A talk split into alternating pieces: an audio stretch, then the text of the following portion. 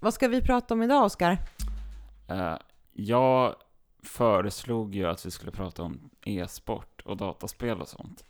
Och så fick jag en sån här lite skeptisk blick som man får ibland. Men eh, jag tror att det kommer bli kul ändå. Så nu har alltså Oskar övertalat mig om att prata sport igen. Ja, precis. Eller är det en sport? Ja, det får vi väl se. Eh, Ja, kör vi. yes.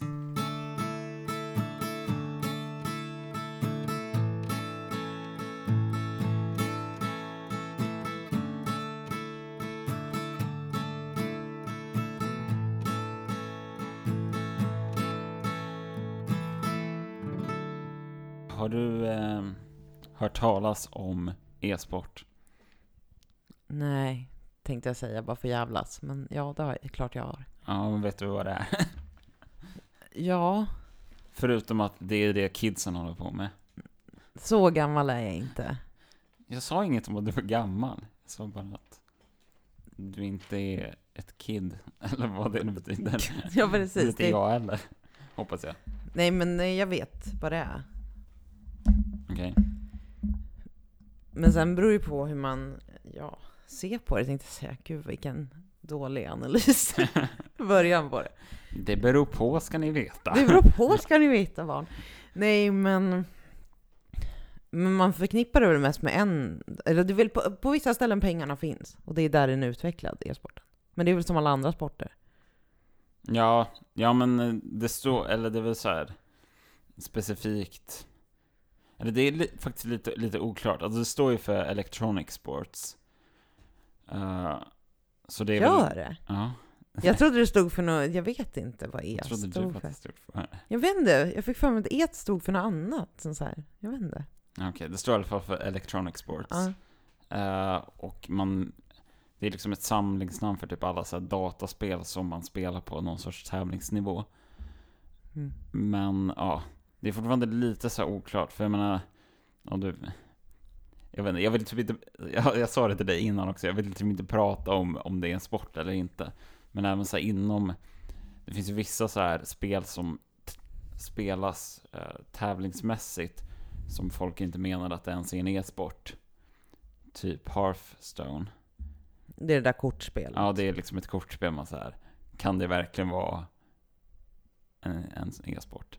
Men, ja, jag vet inte, Men jag menar- poker räknas det som en sport? Typ? Men jag menar schack typ. Ja, fast grejen med schack är att man har alltid samma pjäser. I ett kortspel så drar man ju olika kort hela tiden. Det är så jävla mycket slumpen, det är väl det som är... Ja, jo, jo det, det fattar att- jag också. Men jag menar, det är ändå... Du sitter ändå still och trycker på någonting, tänkte jag säga. Liksom flyttar på något.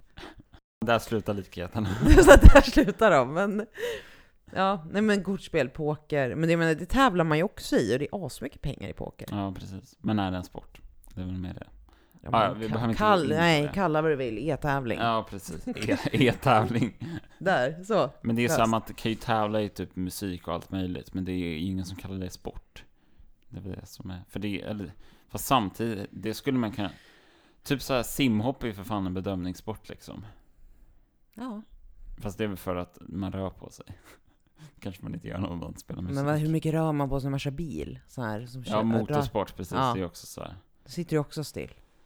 Ja, precis. Fast det är något som rör sig. Men då, då är det lite märkligt har jag märkt, för att när man säger så här, ja men typ motorsport, och då sitter man still, då kan ju folk säga så här, ja men det är ju typ farligt, eller så jag bara, "Va- när blev det en definition för sport, att det var farligt typ? Alltså, I och för sig så hörde jag, vad var det, jag hörde något, det var nog någon, eh, ja, ja det, jag lyssnade på eh, en, en- en humor, ett humorprogram som heter Mammas nya kille. och då, då, prat, då var det en, en kille som, som tävlade i, jag kommer inte ihåg vad den sporten hette, men den handlade typ om att skada sig. Alltså typ så här, vem kan typ bryta benet och, och, och, och hålla kvar det så länge som möjligt liksom. Så det är liksom en sport för folk som kan tänka sig att skada sig och sitta och pilla i såren jättelänge för att det ska liksom, det är liksom tävlingen, att man ska vara skadad. Alltså det här är ett sjukt, jätteknäppt huvudprogram. Men då berättar jag i alla fall att liksom, poängen med sport är att man är redo på, man vill röra på sig, man är tävlingsriktad och man är beredd på att det ska göra lite ont. Det är liksom sport. Och då sa han att det här är någonting för folk som inte är tävlingsinriktade, inte gillar att röra på sig, men som är beredda på att det kan göra lite ont. Så jag tänker, liksom, om det är den definitionen man går på, så är ju motorsport och att liksom göra illa sig själv lika legitima sporter. Ja. Nu förstod jag, utifrån de där tre punkterna, förstod jag varför jag inte tycker om sport. Faktiskt. Där lärde jag mig något. Jag kände att jag hittade en insikt i varför jag inte gillar sport. Just det. Tävlingsinriktad kan jag vara, men det här med att röra på sig och att det kan göra ont, är inga favoriter Jag behövde liksom kategorisera det så för det för att du skulle förstå att, Ja. just det, röra på sig, fan. Det var där. Det var där, det var där skon klämde. Nej men precis, men då skulle liksom e-sport skulle inte uppfylla kanske alla de kategorierna. Man rör sig väl inte på så jättemycket. Och det gör väl inte ont nödvändigtvis. Det är mest att det är en tävling. Ja, men... Men det finns ju faktiskt så här forskning, eller så här studier som har gjorts, som visar att Alltså när det kommer till ansträngning, och då menar jag inte bara så här fysiskt, alltså att anstränga musklerna, men att anstränga liksom hjärnan, att anstränga, eh, ja men, eh, jag vet inte, kroppen generellt och så med stress och sånt, och att man liksom är spänd, så är e-sport minst lika ansträngande, kanske till och med mer ansträngande än vissa liksom riktigt fysiska lagsporter. Eh, menade den här studien i alla fall, så det, är- ja, det är lite spännande. Men jag sa ju att vi inte skulle komma in i den här debatten, nu var jag bara drog iväg på det jävla Nu gjorde vi det igen, men då lämnar vi det. Vi kallar det för e-sport och ja, det gör vi. Det är kul. Så, det är kul. Ja, Eller? det... Ja, eller är det det? Eh, men eh, det finns ju faktiskt så här, Eh, även om det är lite svårt så här och eh, det, eller just det har ju kommit upp senaste, till, det var en, en e-sportare, en gammal Counter-Strike-spelare som heter Emil Kristensen. Uh, eh, var med i typ Nyhetsmorgon, eller Godmorgon världen, något sånt där på TV4, jag vet inte vad det heter. Eller ja, Nyhetsmorgon tror jag. Han var med där och, och pratade om varför e-sport ska eh, ses, eller erkännas som en riktig sport. För att eh, av några nationella idrottsförbund typ. För att grejen är att då, då får man kan man ju få en massa pengar liksom. Alltså det finns ju något så här. Alltså det finns ju mer skäl än bara så här ordet. Alltså det spelar inte så jävla stor roll vad man vill kalla det. Men man kan ju få massa förmåner och få stöd och så här. Eh, organisera sig om man, om man erkänns som en, eh, som en sport. Mm. Eh, vad var det jag tänkte säga? Bli en del av föreningslivet. Ja, precis. Men, eh, men några andra som kanske har tagit det mer på allvar, det är väl, jag tror det är Arlanda gymnasiet som har, har en e-sportlinje. Mm. Där man liksom, ja men det är väl typ som så här gå, jag vet inte, fotbollslinje eller någonting. Alltså att man har det liksom, utöver det andra så har man liksom, Ja, det finns väl ett gymnasium, jag vet inte om det är samma, men som har den här, alltså att istället för att spela spelet så utvecklar man. Alltså att spelutvecklingslinje, gud vad konstigt, spelutvecklarlinje, mm, liknande. Som en inriktning på teknikprogram. just det. Så jag menar, så gammeldags är inte skolsystemet. att det inte rätt, rättar in sig i ledet. Finns på två ställen förmodligen i hela Sverige. Ja, precis. Men det är ändå så här, ja. Jag vet inte, jag tänker mig att folk så här, liksom eh, höjer på ögonbrynen lite när man säger det. Att så här, en skola ska utbilda folk i e-sport, men, sam- men det är väl egentligen när man tänker på det så är det samma, kan man ju vara lika, ställa sig lika fråga, mycket frågande till, liksom, ska skolan ha fotbollslinjer typ? Alltså är det nödvändigtvis i linje med skolans uppdrag typ. Ja, ja men det... Så, ja jag vet inte, jag förstår, jag kan också tänka så här, tycka att det bara känns lite larvigt. Så här, att man ska sitta och spela dataspel på skoltid. Men jag menar, det är ju vissas hobby och andras hobby i fotboll och det får de göra på skol, skoltid, så varför inte liksom. Ja, hobby som hobby. Ja, men lite så. Och ja, fotboll är ju en mycket, mycket större sport såklart.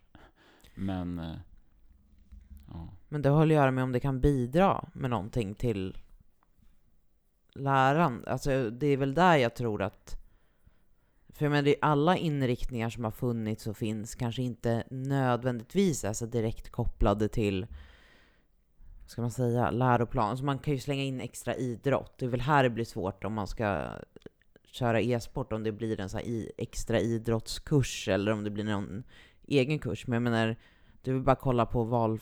Det fanns ju liksom program med inriktning på olika estetinriktningar förut. Fast, alltså inte att estet, utan att man gick samhälle, estet, kombinationer. Och det är väl Mm. ungefär samma sak. Mm, ja. Jo men för att jag menar om du spelar fotboll så lär du ju vissa saker. Syssl- Sysslar du med musik eller kreativt skapande så lär du dig andra saker och aktiverar hjärnan på ett annat sätt. Och spelar du e-sport så eh, fokuserar hjärnan på andra saker och lär Mm. sig an- alltså, Det Just finns ju ett syfte med det. Det är det jag Precis. menar. Och då spelar det kanske ingen roll om det är att man målar en tavla eller sparkar på en boll eller inte, Nej, precis. slåss mot gröna män, morser eller inte, springer runt. Nej, precis. Nej, jag, jag, såg, jag såg någon, eh, en dokumentär i somras, där de pratade lite om så här, potentiella fördelar med så här, att spela spel. Och en som jag kommer ihåg var, var att eh, folk som spelar spel har mycket bättre eh, periferiseende, eller vad heter det? Perifer... Det heter säkert något sånt. Vad menar du? Ja, men att man ser bättre liksom Åt i periferin. så Och sidledes? Ja, precis. Alltså man ser bättre det som man inte behöver fokusera på. Och att man kan liksom se olika saker samtidigt. Som man har gjort, gjort så här test typ. Ja, men för att testa liksom hur, ja men typ det flyter runt så en massa bollar. Mm. eh, I, oli i olika färger typ. Och sen så blir de alla samma färg så kommer man komma ihåg vilka som var i en viss färg. Typ. För att hålla koll på vilka de var. Och de rör sig samtidigt. Så man ska liksom hålla koll på vilka som det var. När de har bytt till så att alla är samma färg som varandra. Och det är folk som har spelat mycket dataspel mycket, mycket bättre på. Här har vi en hel grupp som ska bli fritidslärare.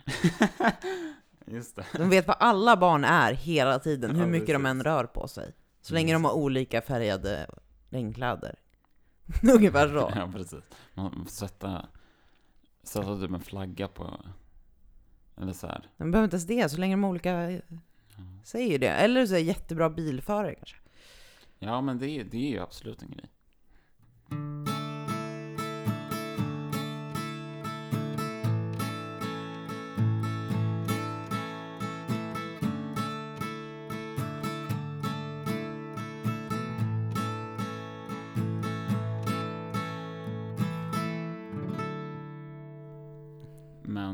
Sen något, så pratar man ju alltid om det här med att man blir våldsam av att spela spel.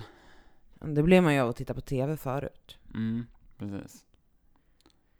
Eller blev man?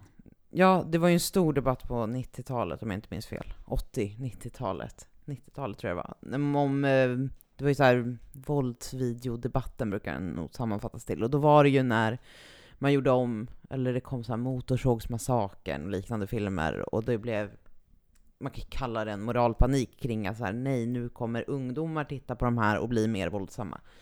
De här filmerna. Och det är väl lite samma debatt som har förts, alltså länge nu. Det är ju över tio år som Ja, det här men har typ- liksom pågått. Typ när någon i USA, när det är en skolskjutning i USA så säger man oj, kolla han spelade visst dataspel. Det var nog därför, typ. Alltså folk har ju gjort de kopplingarna jättemycket och liksom pekat på liksom eh, ja, dataspel som att det är en källa till liksom ondska typ. Uh, och sen så glömmer man att typ oj, han, den här personen kanske hade psykiska problem eller så här. Det kanske var en större grej egentligen. Det är så konstigt att man inte gör det med annat. Alltså att om, när det är någon annan, så, alltså det är ju oftast när det är unga människor som gör, begår våldsbrott, så, så tittar man på vilken sorts kultur de konsumerar. Men när det är äldre människor, så är det aldrig någon som bara, nej men han, han gick mycket på opera. Just det. Alltså det är ju väldigt undligt att det inte... Eller så här, nej, lyssna på musikkrysset. varje lördag. Ja, precis. Alltså det är väldigt underligt, men det är väl just att det är det här ungdomliga och farliga kanske. Ja, att det alltid precis. ses som skrämmande. Och det känner man ju igen med det här att det, det är liksom samma debatt som vevas upp när det kommer något nytt. Antingen var det liksom musik förut, viss sorts musik, eller dans. Och sen gick vi vidare till videovåld, Mm. och nu spel. Men samtidigt är ju spelen våldsamma. De inne, många spel innehåller ju våldsinslag. Och det är ju någonting man Absolut. inte kan blunda för heller. Inte för att jag nödvändigtvis tror på det här att det skapar våldsamma individer. Utan mer att det förändrar ju ändå synen på synen på vad en människokropp klarar av. Mm. Och det har ju att göra med alla visuella bilder eller andra saker också. Men om man får en uppfattning om att jag kan slå på en person, det krävs jättemycket många slag. Eller må, jät- för att den här personen ska bli skadad, så är det ju klart att man kan få en skev uppfattning om det. Sen behöver ju inte personen i fråga bli våldsam. Men om en sån situation skulle uppstå så kanske man brukar övervåld för att man inte vet hur mycket kroppen klarar av. Att man har en felaktig uppfattning. Det finns en särskild grej typ i, i, i lägre åldrar. Jag tänk, tänker ju på den här, eh, den här Tom och Jerry-grejen liksom. Man pratar om, minns att man pratade om det när jag gick på typ mellanstadiet eller högstadiet. Alltså, små barn ska inte kolla på Tom och Jerry, för de fattar inte att man kan liksom inte bli hamrad på så man blir platt. Och sen kan man liksom rätas ut igen och så är det okej. Man fattar liksom inte det när man är sådär liten och då gör man dumma saker, eller alltså det påverkar ens världsbild liksom. Och man, man förstår liksom inte att min kropp eller någon annans kropp inte funkar så. Men det är väl det som, som är så svårigheten också för att många av de här våldsamma spelen är ju liksom så här 16-18 plus. Men det kan man ju garantera att det är ju inte, alltså Det är, det är inte många som följer dem. Nej, precis. Så länge man har en vuxen med sig som när man köper det där spelet. Sen, Eller beställer det online typ. ja, och så är det sen, lugnt. sen tror jag faktiskt att det till viss del så spelar det egentligen i eller det spelar ju, jag tror att det spelar roll i, större roll i yngre åldrar. Men jag tror ändå att man kan få en felaktig uppfattning. Även när man är äldre, för det är ju inte så att man har helt koll på hur kroppen funkar. Inte ens jag fattar hur kroppen Ja, men- funkar. Och man har felaktiga uppfattningar. Det räcker ju med att bara kolla på så sjukhusserier som man fått så här jättekonstiga uppfattningar på om hur saker och ting går till. Och det här är lite samma sak. Alltså så här, ja men knäcker du, liksom hoppar armen ur led, ja men det är bara att dra lite i den. Det är säkert inte så enkelt. Antagligen inte. Nej men det är, liksom, det är lite samma sak. Och skulle jag då försöka det på någon som har vars led har hoppat ur, eller arm har hoppat ur led, så skulle jag säkert skada den personen. Ja. Och då gäller det liksom att komma på den kopplingen. Det är samma sak. Det är inte att det, det är något, det är inte något specifikt med just den här sortens våldsskildringar. Nej, eller, precis. Men det, ja. Men det, det är väl också, eller en, en sak man kan prata om det är väl att det är, nå- det är någon sån här, alltså att det är någon sorts våldsromantik som är väldigt så här, baserat på någon, en maskulin världsbild eller vad man ska säga.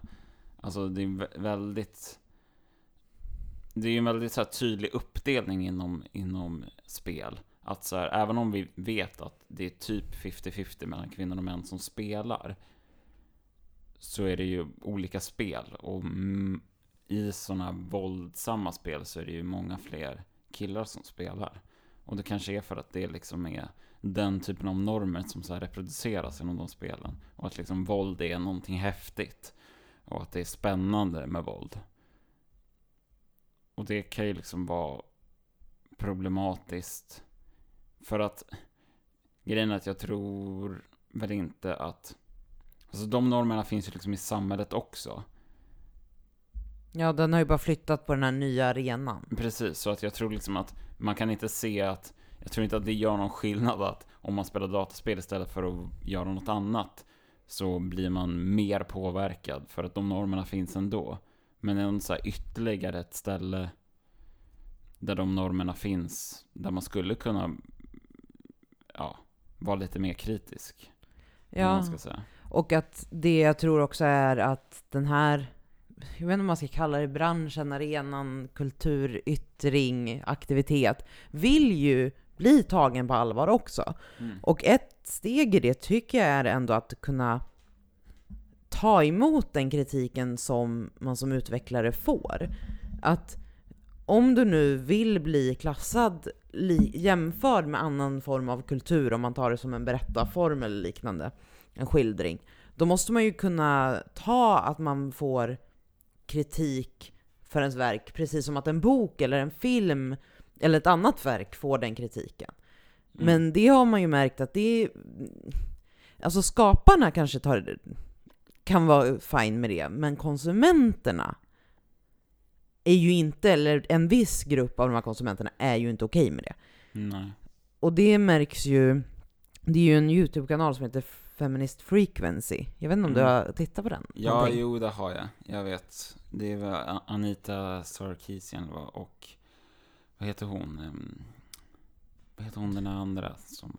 Jag vet inte vad hon heter, jag har bara den ena som jag vet vem det är. Okej. För jag kollade på den för länge sedan, men hon samlade ihop pengar eh, för att göra en kort YouTube-serie som hette Tropes Wi- Tropes and Women, Ja.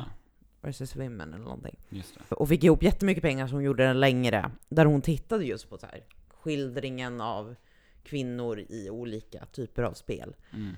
Och fick utstå otrolig, massiv kritik. Sen spelades det här upp igen i någon form av internetdebatt i Gamergate, som var också en del av den här kulturen. Och sen slutade det med att när hon skulle prata på stället, då blev ju liksom, var, hon har ju blivit dödshotad, men på ett event var det till och med så att de hotade med massmord om hon skulle prata på det här eventet. Mm.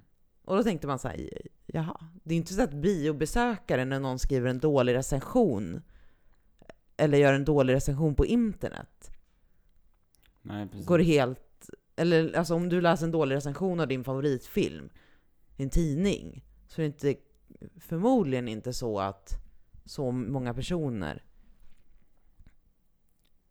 liksom dödshotar den recensenten. Nej, precis. Men vad, vad in... Zoe Quinn heter hon den andra. Mm. Bra att du Just kom på det. det. Eh, men det var, det, Gamergate handlar ju också om, om det här, om så här med typ, eller det började väl med, med för Zoe Quinn är ju också så här recensent, som jag har förstått. Ja, hon är speljournalist. Ja, precis. Men det börjar ju med något drama om att typ, eh, typ hon hade någon relation med någon eh, spelutgivare. Ja, och, eller var hon spelutvecklare? Jag för mig att hon var spelutvecklare, Jo, hade en kanske det relation med någon, Med någon som var, skrev. ja, skrev, precis. och sen visade det sig, eller sen eh, la han ut, eller anklagade henne för att ha varit otrogen med ett visst antal människor, och att hon då hade varit otrogen så att hon då skulle få bättre recensioner på sina spel. Tror Precis. jag att det var, Och så- började det väl i alla fall som en så här diskussion, och visst, det finns ju de som påstår fortfarande att det var allt Gamergate handlade om, att det var en diskussion om, om etik inom liksom speljournalistik. du håller inte med om den beskrivningen? Nej, Men det finns ju de som menar det, att det var liksom det det handlade om. Och att, alltså jag har hört folk säga att det finns inga bevis för att liksom Gamergate som en rörelse har typ attackerat folk. Alltså var levde de någonstans? Under en sten? Alltså såg de vad folk, alltså för det finns ju, det här är ju en sån här rörelse utan frontfigur som är liksom bara så här en massa av röster. Ja, som är typ en Twitter-tagg. Ja, basically. precis. Och har man då inte läst vad som står på Gamergate-hashtaggen, man kan ju inte ha läst vad som står om man menar det, för att i så fall skulle ju man direkt ta avstånd från den. Alltså, Precis. Och det, det blir en sån här konstig grej, för att då blir det att de som menar att Gamergate var oskyldigt, de säger att nej men de som gör det, de är bara individer. Som gör knäppa saker. Medans typ, när folk, alltså det var då det blev liksom Gamergaters mot eh, Social Justice Warrior-skiten startade liksom. Oj, vad var det? Den, den har jag missat. Ja. Där det blev en versus. Ja, men var det inte det? Att det var liksom Det- en, på ena sidan Gamergaters, på andra sidan Social Justice Warriors. Eller? Kan säkert ha varit då. Det, det här låter ju som ett spel i sig. Lite så.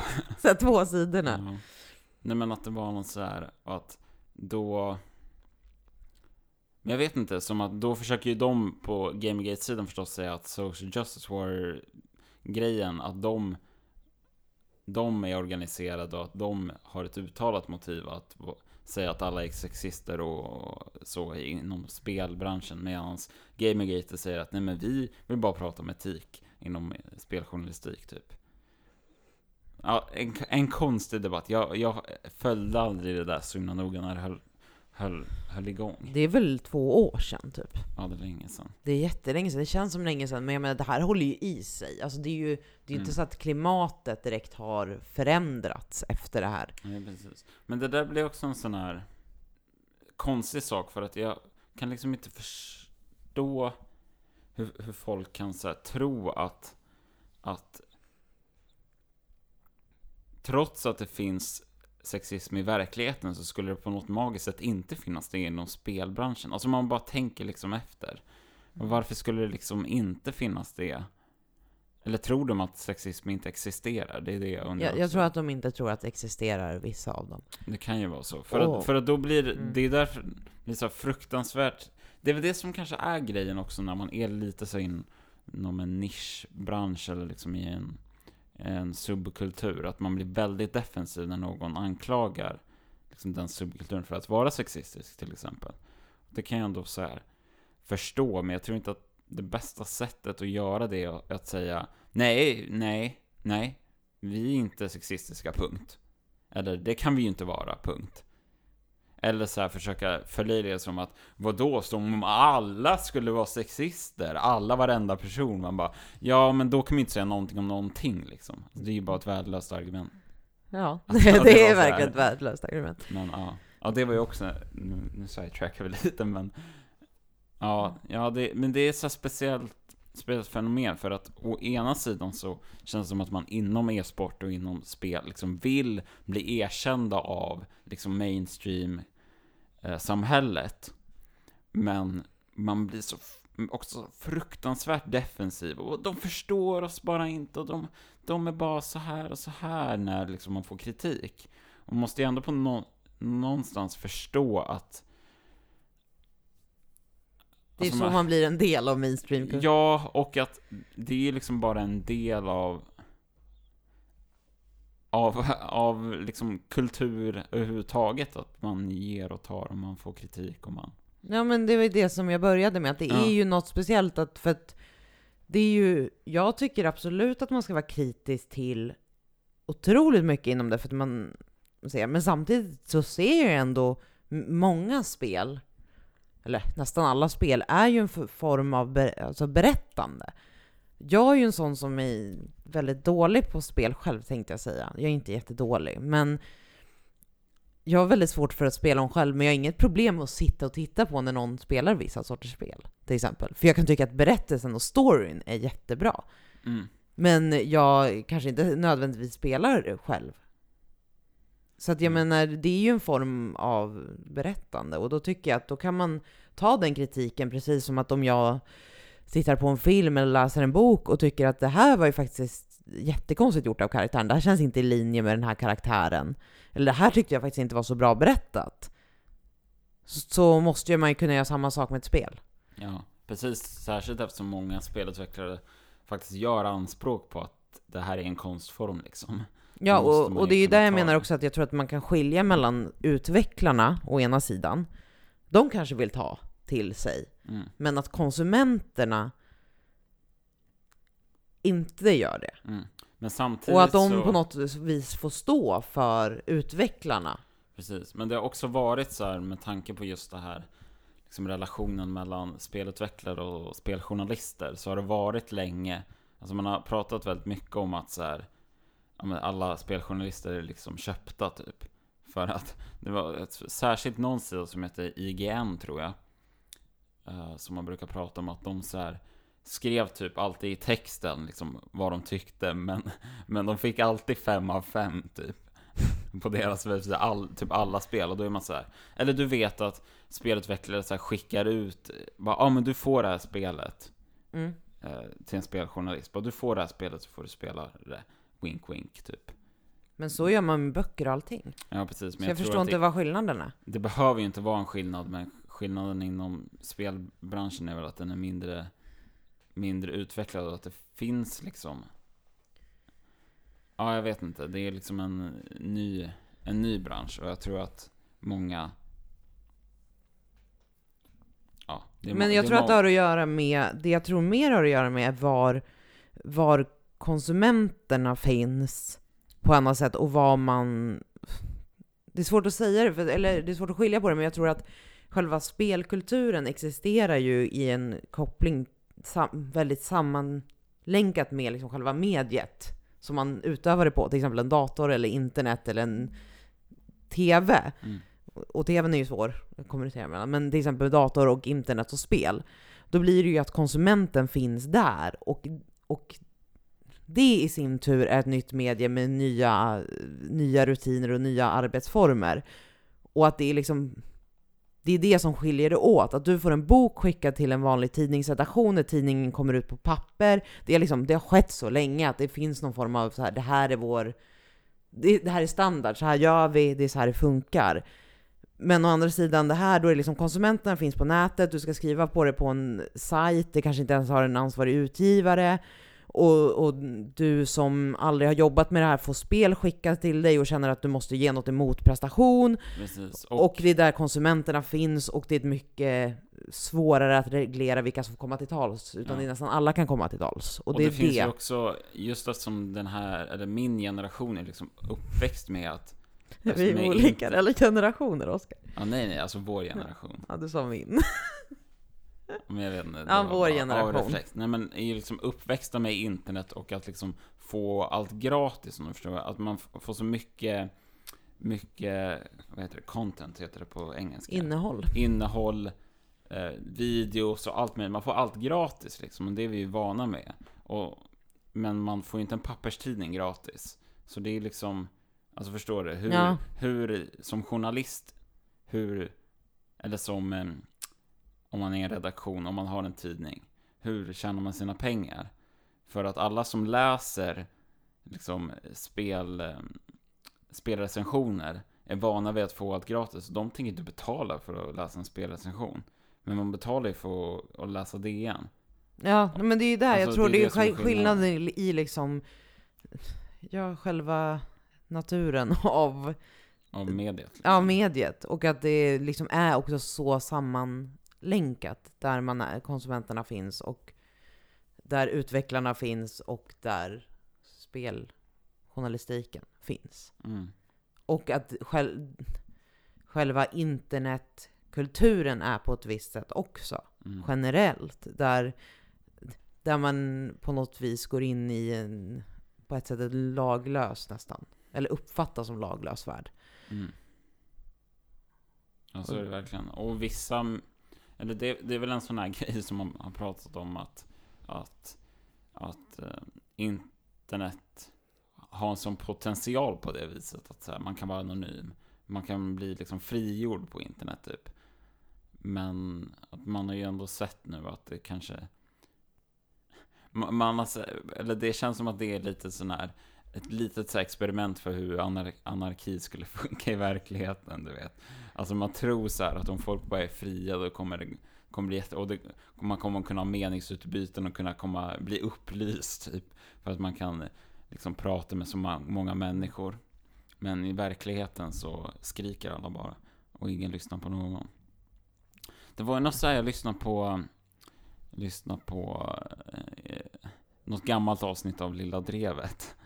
Mm. En, en, eh, en annan bra podcast. Mm. Men då, då pratar de om så här att, att på politiska forum på nätet så blir det ingen diskussion för att alla tycker liksom redan samma sak, så man bara bekräftar sig själv. Och typ att eh, de hänvisar till någon, någon sån här studie typ. Eh, att de enda, de enda forum som man så här kan kan faktiskt ha diskussioner om så här om politiska frågor eller samhällsfrågor eller så här få sin världsbild utmanad. Det är på apolitiska forum. Typ så här, jag vet inte, familjeliv eller något, alltså vad som helst. Eller typ så här, något så här forum som handlar om typ trädgård, trädgårdsskötning eller, eller hur man sköter Aha. sin trädgård. För att där liksom, där finns det liksom inte en kultur om vad som är sanningen, vad som är den Mm. politiska sanningen. Medan det finns det liksom. Så att på internet har det verkligen blivit så att det bildas liksom Små bubblor. Ja, åsiktsbubblor. det är ju liksom. Massa åsiktsbubblor. Och så Eh, får man aldrig sin världsbild utmanad. Nej, precis. Om man inte går ut och söker Om det man inte själv. går till trädgårdsforumet. Ja, till exempel. Eller så går in på Reddit slash Donald. Oj. Fin- ja, det lär ju finnas en... Ja, det var ju något så här, ja det här är jätteroligt. Det var ju ett så här krig, du vet vad Reddit är? Du vet vad Reddit är? Ja, men jag bara, ja, jag vet vad Reddit är. Ja, men, precis. men jag för- kan förklara för Lyssnarna, som inte, ja. lyssnarna som inte vet. Nej men alltså det, det är ett jättestort internetforum. Och det finns massa subreddits som, eh, ja det är typ ett tema, det kan handla om ett dataspel till exempel, kan ha en subreddit. Eller typ en subreddit som heter typ funny eller någonting. Och så finns det regler vad man får posta där och så röstar man upp och så här, ja. Röstar upp och röstar ner. Ja. Och då finns det en sub, den kanske heter The Donald, i alla fall, Donald, han, Donald Trump supporters, typ. Jag tror att folk från början trodde att det var satir, men insåg sen att oj, det var visst riktiga supportrar. Så det, det är lite speciellt. Men, och sen finns det en subreddit som heter ja, r Sweden. Så det är liksom Sverige Mm. subredditen, Swedit. Mm. Och då, då var det så här att det blev liksom ett krig på Reddit för att, för att Donald Trump-supportrarna har liksom så här kört på, har typ målat ut Sverige som, som något så här, som ett land där typ, ja men alltså så här grotesk, på ett groteskt sätt att typ det är så här våldtäktshuvudstaden i världen, du vet för att vi har väldigt hög våldtäktsstatistik, men för att citera en, en expert på området så var det ju ty- som sa typ så här, om man, om man tror, om man tror att Sverige har högst faktiska våldtäkter i världen, då är man ju obegåvad. Var det någon expert jag lyssnade på, typ, eller såg på TV4 som sa. Nej men att det är så här att det handlar ju om att man, vi har en bredare våldtäktslagstiftning och att fler anmäler. Mm. Så det är snyggt. Men de säger liksom att de hade ju den här bilden av att ah, det kommer en massa, massa invandrare som är våldtäktsmän, du vet, det är den bilden som de Ja. målar upp. Som kommer till Sverige och våld, våldtar deras kvinnor, du vet den här national, alltså skiten om att man ska, skyd, man ska skydda sina kvinnor från inkräktare, du vet. Ja. Alltså groteskt Den rasistiskt kvi- ja, och sexistiskt. egendomarna Ja, precis. måste Kvinnor- skyddas. Ja, du vet. Man bara så åh nej. Och har du, har du hört ordet, eller har du hört någon använda ordet cuck eller cuckold som ett skällsord någon gång? Nej. Vet du vad det betyder? Vad är det här? Vad ska jag lära mig nu?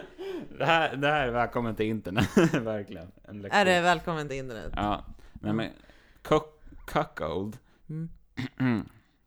det är en person, en heterosexuell man, eller det är ju underförstått, men Mm. det, Ja. definitionen är bara typ så, en man vars fru eh, ligger med en annan man typ. Och då är, om jag har en fru som ligger med en annan man, då är jag en cuckold för att, Ja, för att du vet, alltså jag var inte tillräckligt mycket man, ja och okej. någon ja. annan har tagit min kvinna, alltså du vet den typen. precis. Och det- Kvinnan bara blir tagen hit och dit. Ja, det är liksom... Ingen frivillig eller något. Nej. Nej men alltså du vet, och då applicerar de det även på att om en invandrare kommer till Sverige och skulle bli tillsammans med en svensk, eh, in, eller Mm. alltså en svensk född kvinna, Mm. så är, då är liksom, om det är ett fenomen så är liksom svenska män då som kollektiv eh, cuckolded.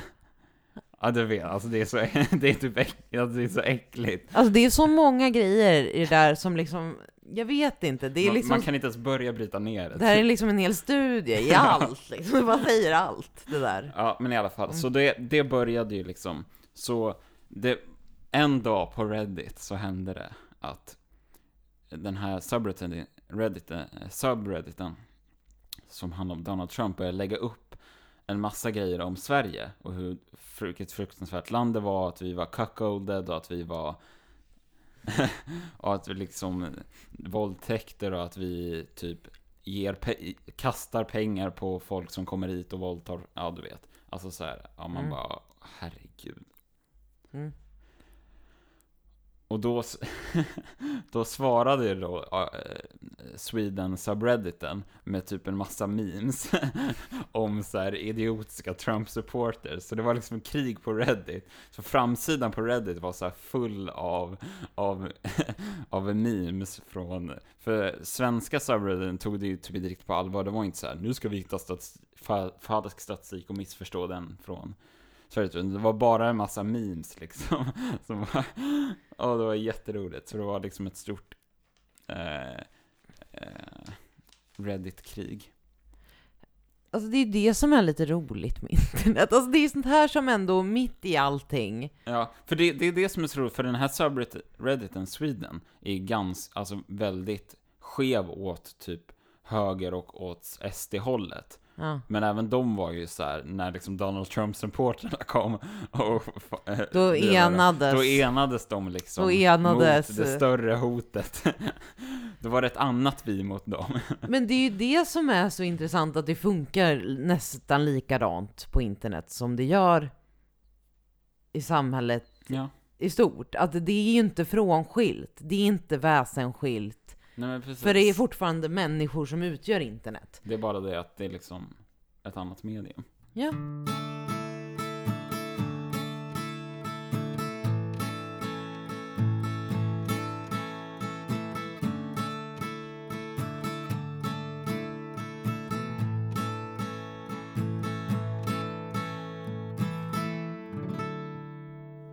Ja, men internet är ju lite speciellt för att det är väl en sån här grej som man pratar om, typ så här, om hat på internet och typ hot på internet och sådär.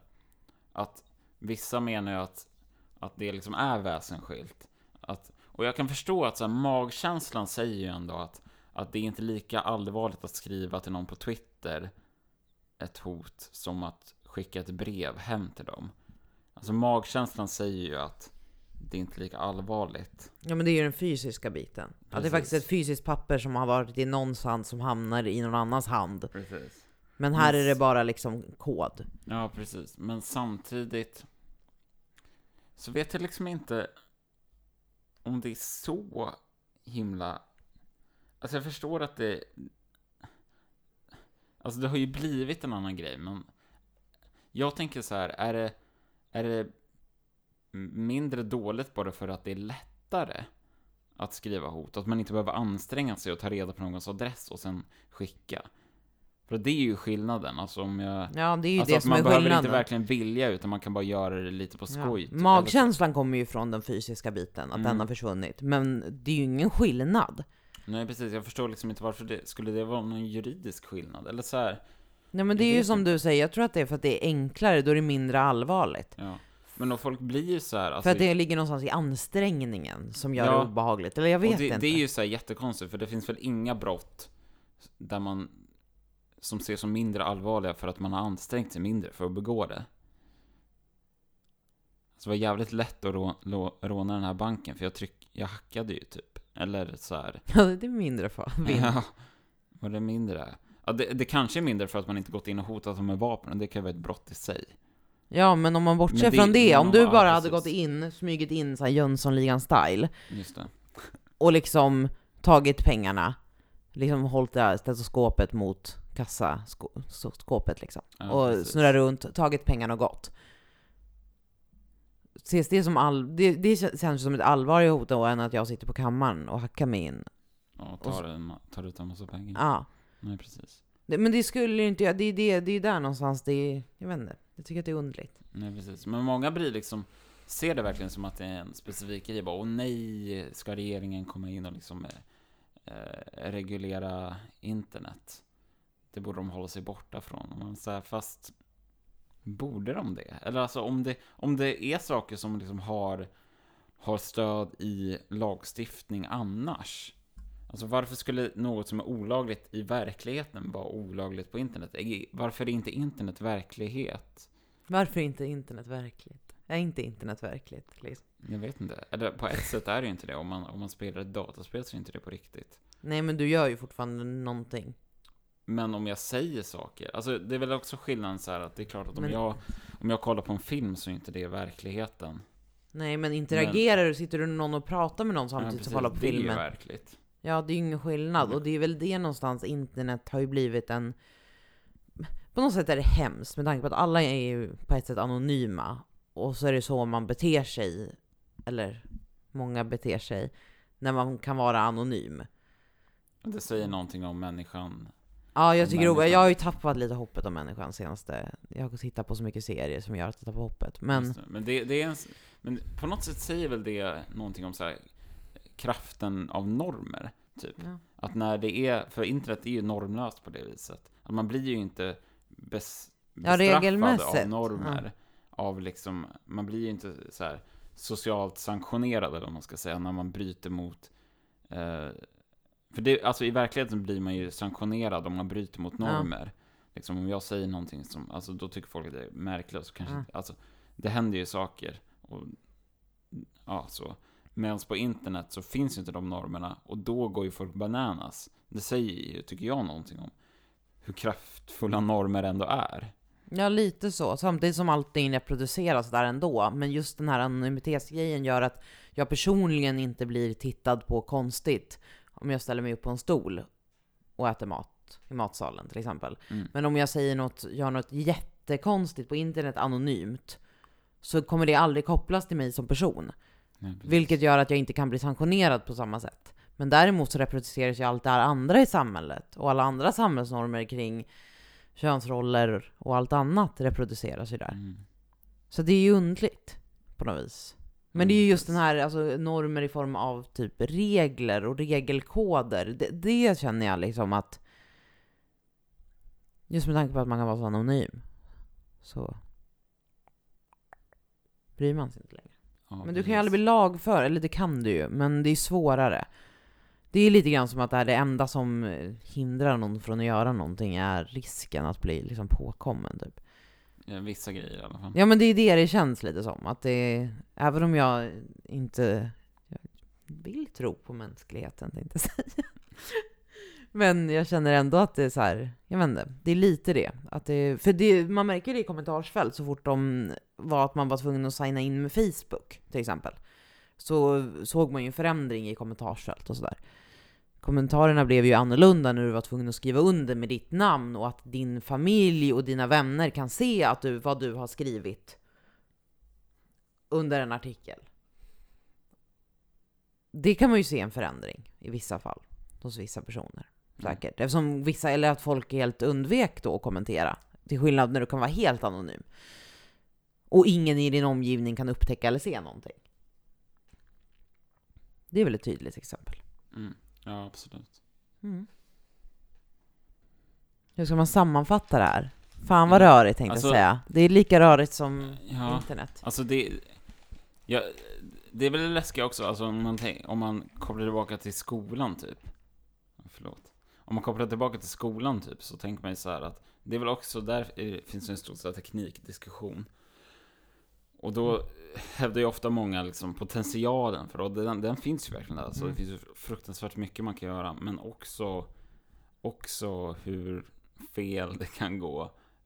Typ att man måste veta hur man ska använda, använda sig av tekniken. Alltså, jag menar, jag... Det är klart att om jag vet vad jag håller på med och så, så kan jag göra något jättebra med internet. Och, och kan starta sociala rörelser och jag kan, jag kan göra massa grejer. Jag kan, men om man inte vet så kan det bli ganska destruktivt. Liksom.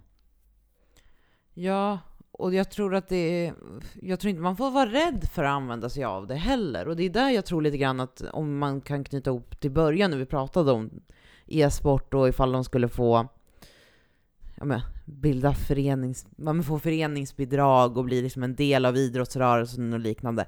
Jag tror att det skulle vara ett stort steg i rätt riktning. För att då får man delvis en vuxen närvaro från Mm. tidig ålder. Man får en uppfostran i så här beter man sig, så här beter man sig inte. Vi får fostrade internetmedborgare.